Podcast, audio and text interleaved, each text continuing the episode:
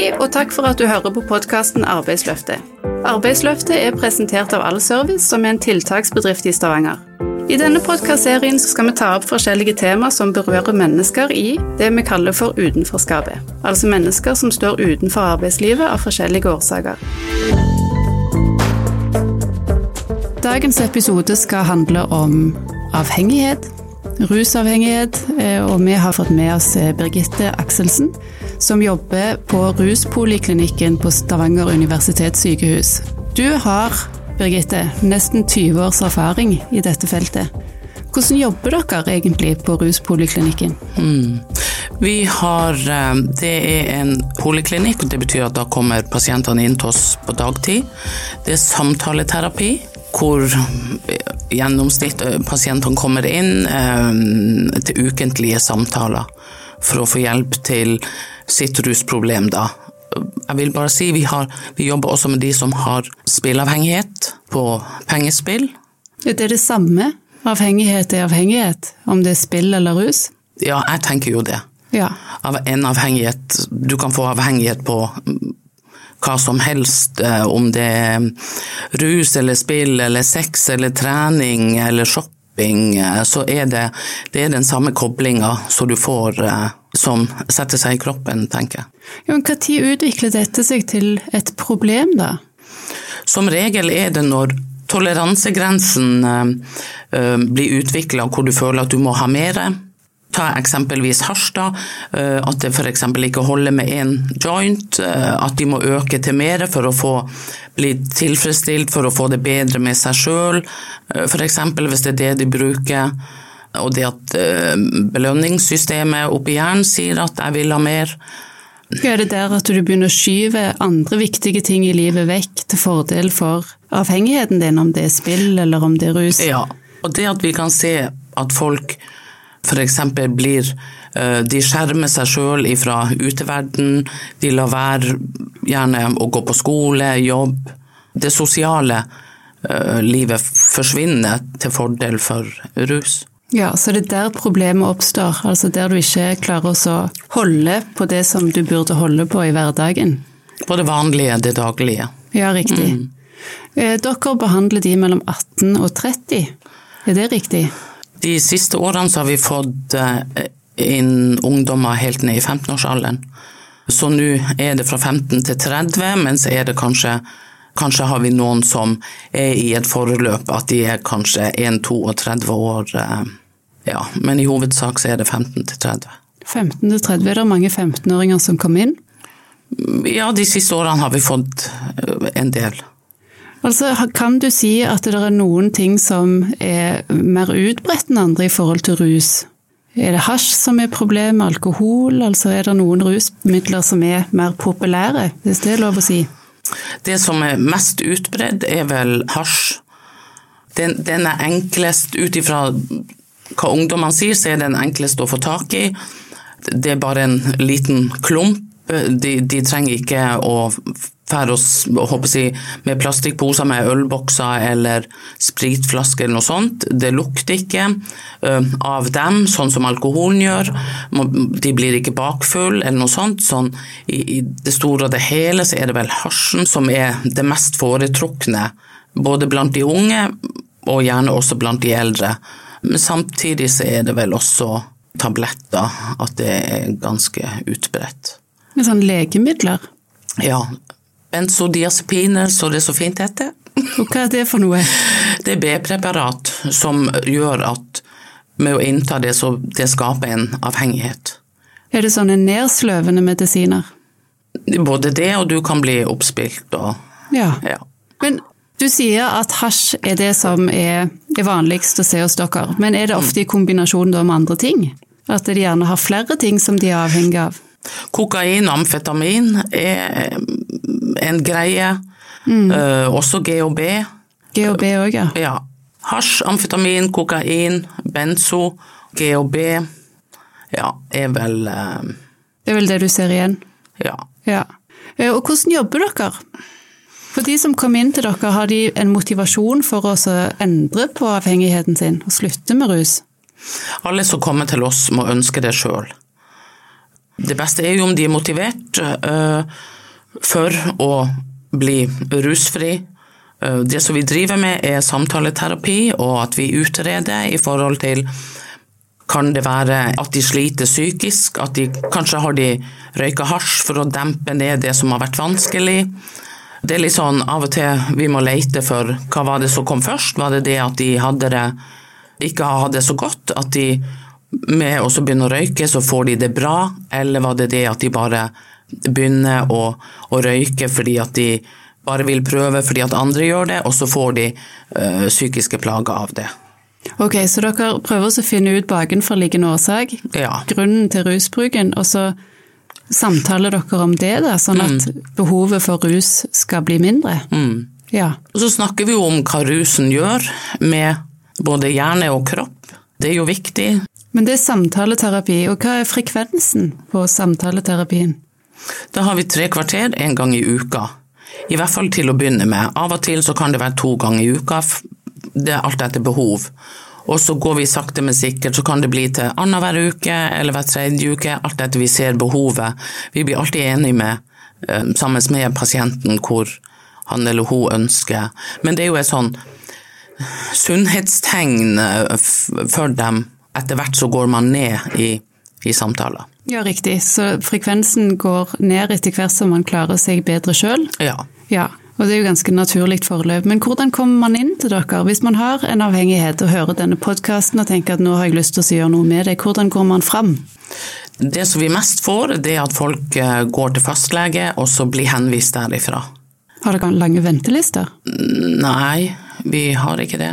Nei, Det er jo positivt. Ja, Vi prøver å hjelpe så, så fort som De må innom noe som heter inntak- og oppstartteam først, og så blir de vurdert der hvor er det de kan henvise til best hjelp, da, om de skal til oss, eller om de skal til Rupo Sandnes, eller ja, andre plasser. Om det er rus eller psykisk helse. Sånn at, men det mest vanlige er å bli henvist fra fastlege. Riktig. Er det lignende institusjoner eller poliklinikker som har døgnbehandling, ikke bare samtaleterapi? Vi har flere eh, døgninstitusjoner her i området. Vi må jo snakke litt om hvordan komme seg ut av rusen. Og dette er jo ditt ekspertområde. Hva er det som skal være på plass? Altså hvilke omstillinger må på plass for at en skal klare å komme seg ut av rus? Eller andre typer avhengighet, selvfølgelig. Det som jeg tenker er veldig viktig, det er å få på en måte en, en lik hverdag sånn som, så, sånn som jeg har. Eh, F.eks. med bolig, jobb, nettverk. Det å ha noe å holde på med. Vi ser jo det at mange som får det til og klarer å være vekk fra rusen, er folk som får seg ø, jobb. Det trenger ikke å være 100% men at de får ø, en jobb det å komme til en plass hvor de føler seg nyttig, de får en samhørighet og tilhørighet til, eh, til andre folk, det å bli møtt på morgenen, god morgen f.eks., eh, og føle seg nyttig i et fellesskap. Eh, vi kan jo bare se hvor godt det gjør for oss å komme på jobb og få morgenmorgen. Hvor viktig er det ikke for de som gjerne ikke har kunnet fått jobba tidligere, eller Og det er jo noe mange sier også er veldig viktig. Noen kan få seg jobb mens de er hos oss, og hvor de sier eh, hvor de har hjulpet på. Ja, både rutinene, men òg at du føler at du er en del av noe som er større enn deg sjøl, altså mm. et fellesskap. Mm. Da har jeg litt lyst til å snakke om dette prosjektet som heter The Rat Project. Det er et prosjekt hvor man tar eh, rotter, og så ga de eh, muligheten for å ta heroin og kokain ja, i sånne små ja. ja. Og så satte du de inn i et sånn rotteparadis etterpå, mm. med, med, masse leker og, og, andre rotter, og så mm. valgte de stoffene fra. Så da mente de at grunnen til at enkelte da eh, tar narkotiske stoffer, er fordi at det, de mangler den tilhørigheten mm. med andre. Det er noe dere jobber med, altså i forhold til ja, sosiale relasjoner og sånn? I alle disse årene som jeg har holdt på å jobbe med dette, så er det jo mange som har sagt at nei, jeg duger ikke, jeg kan ikke noe. Ingen vil ha meg, jeg har vært rusmisbruker. Men som jeg sier da, nei, men et eller annet kan du. Noe har du lyst til, altså noe er du god på. Og eh, ingen skal dømme noen for det om man i en periode av livet har brukt eh, rusmidler. Det betyr ikke at du ikke er et godt menneske.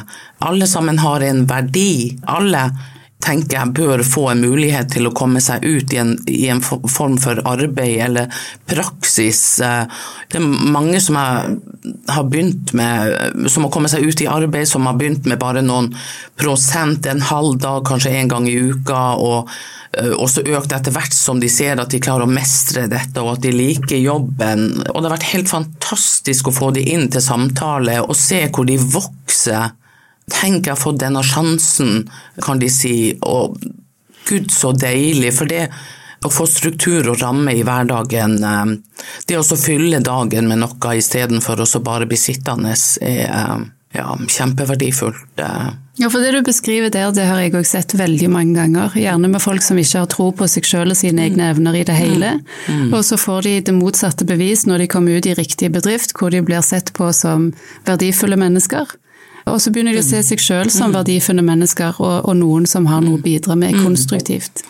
Eh, så jeg har sett eh, veldig mange gladsaker som har blitt mm. til på den måten. At du finner riktig bedrift og gir mennesker en sjanse til å vise hva de er gode for. Hva vil du si til arbeidsgivere som vurderer å gi en eh, avhengig person eller noen som har slitt med rusproblemer, en sjanse? Ta de inn, og gi de en sjanse. Fordi at det, jeg skiller mellom to personligheter for folk som har slitt med rusproblemer. Så er det ruspersonligheten, og så er det din ekte personlighet. Med rusen så kan du bli annerledes.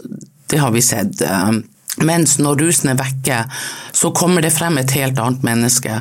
Og for det om de har slitt uh, i perioder i sitt liv, så gir de en sjanse for det. Om la de komme inn og få vist hvem de er, og dette kan de.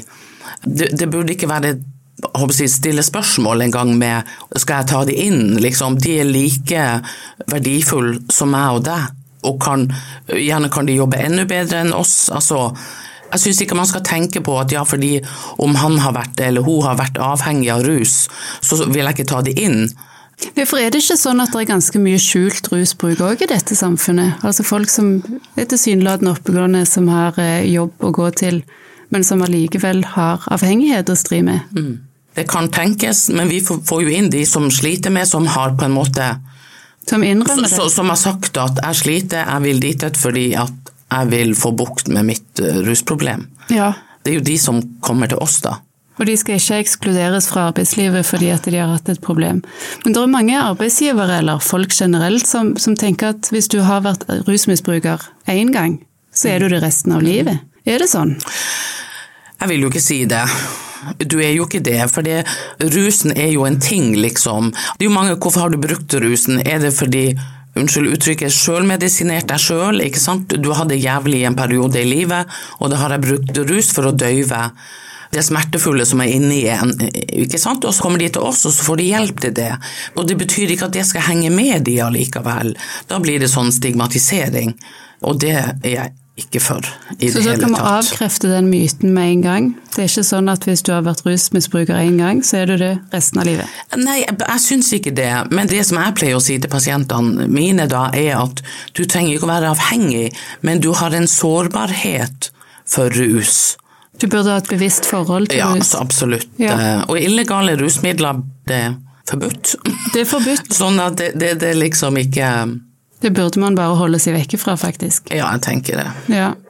Hvis noen sitter og hører på denne podkasten og sliter sjøl med en form for avhengighet, mm. hva ville du sagt til de? Kom deg til fastlegen. Ja.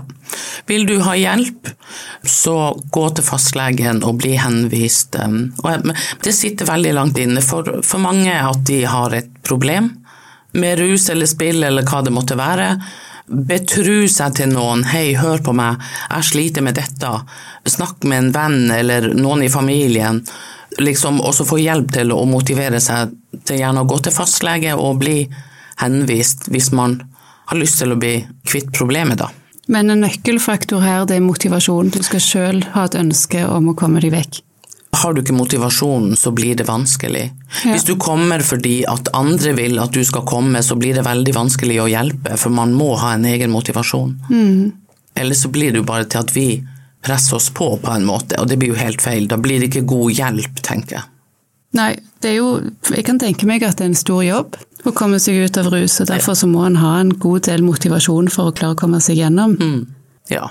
Ja, så oppfordringen herfra er at om du sliter med rus, ta kontakt med fastlegen.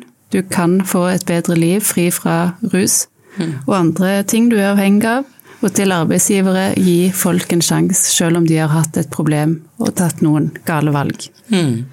Og da vil jeg si tusen takk til deg, Birgitte, for at du stilte opp. Jo, det var så lite. Det var bare hyggelig. Nå nest så skal vi få besøk av en som heter Frode, som forteller oss om hans egen rushistorikk.